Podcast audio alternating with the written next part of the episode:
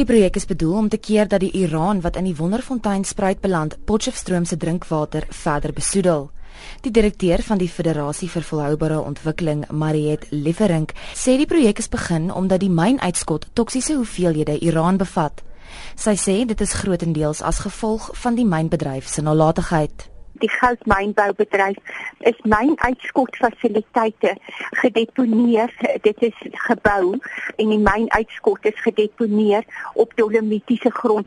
En dit het aanleiding gegee tot 'n geweldige risiko's uh, vir die gemeenskappe en ook vir die omgewing hierdie mynuitskotfasiliteite bevat ongeveer 600 000 ton uran uran is beide toksies en ook radioaktief daar is geweldige nalatenskappe van die mynboubedryf. Is 1.6 miljoen mense woon op of aangrensend aan hierdie radioaktiewe mynuitskot. Lieferink is van mening dat die projek net sal slaag indien die uitskotfasiliteit al die korrekte verantwoordelike stappe neem indien dit korrek en verantwoordelik opgerig sal word en indien al die voetspore waar die herwinde uitskotfasiliteite herwin is gerehabiliteer word sodat dit 'n volhoubare landgebruik en watergebruik het en geskik is vir gebruik en tensy die gemeenskappe wat geaffekteer word nie betrokke is by die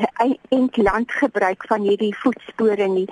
Uh, ja, dan is hierdie projek nie volhoubaar nie, maar indien die projek al die uitskotfasiliteite verwyder en die voetspore rehabiliteer en dan sekere van die winste terugploeg in die rehabilitasie van die hele omgewing van die Wesrand en die Verre Wesrand, kan hierdie projek suksesvol wees. Sy sê die nuwe megamyn hoop word ontwikkel in 'n gebied wat reeds mynfasiliteite het, maar die gemeenskap het gemengde gevoelens hieroor die gemeenskappe wat natuurlik direk langs hierdie beoogde uitskotfasiliteit woon. Dit is gewoonlik boere gemeenskappe.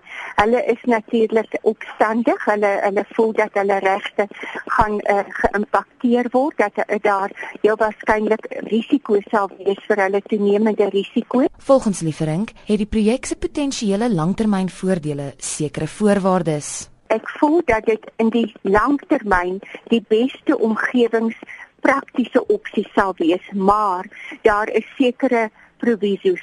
Daardie uitskot moet heeltemal verwyder word selfs al is van die uitskot nie van 'n profit aspek lewensvatbaar nie.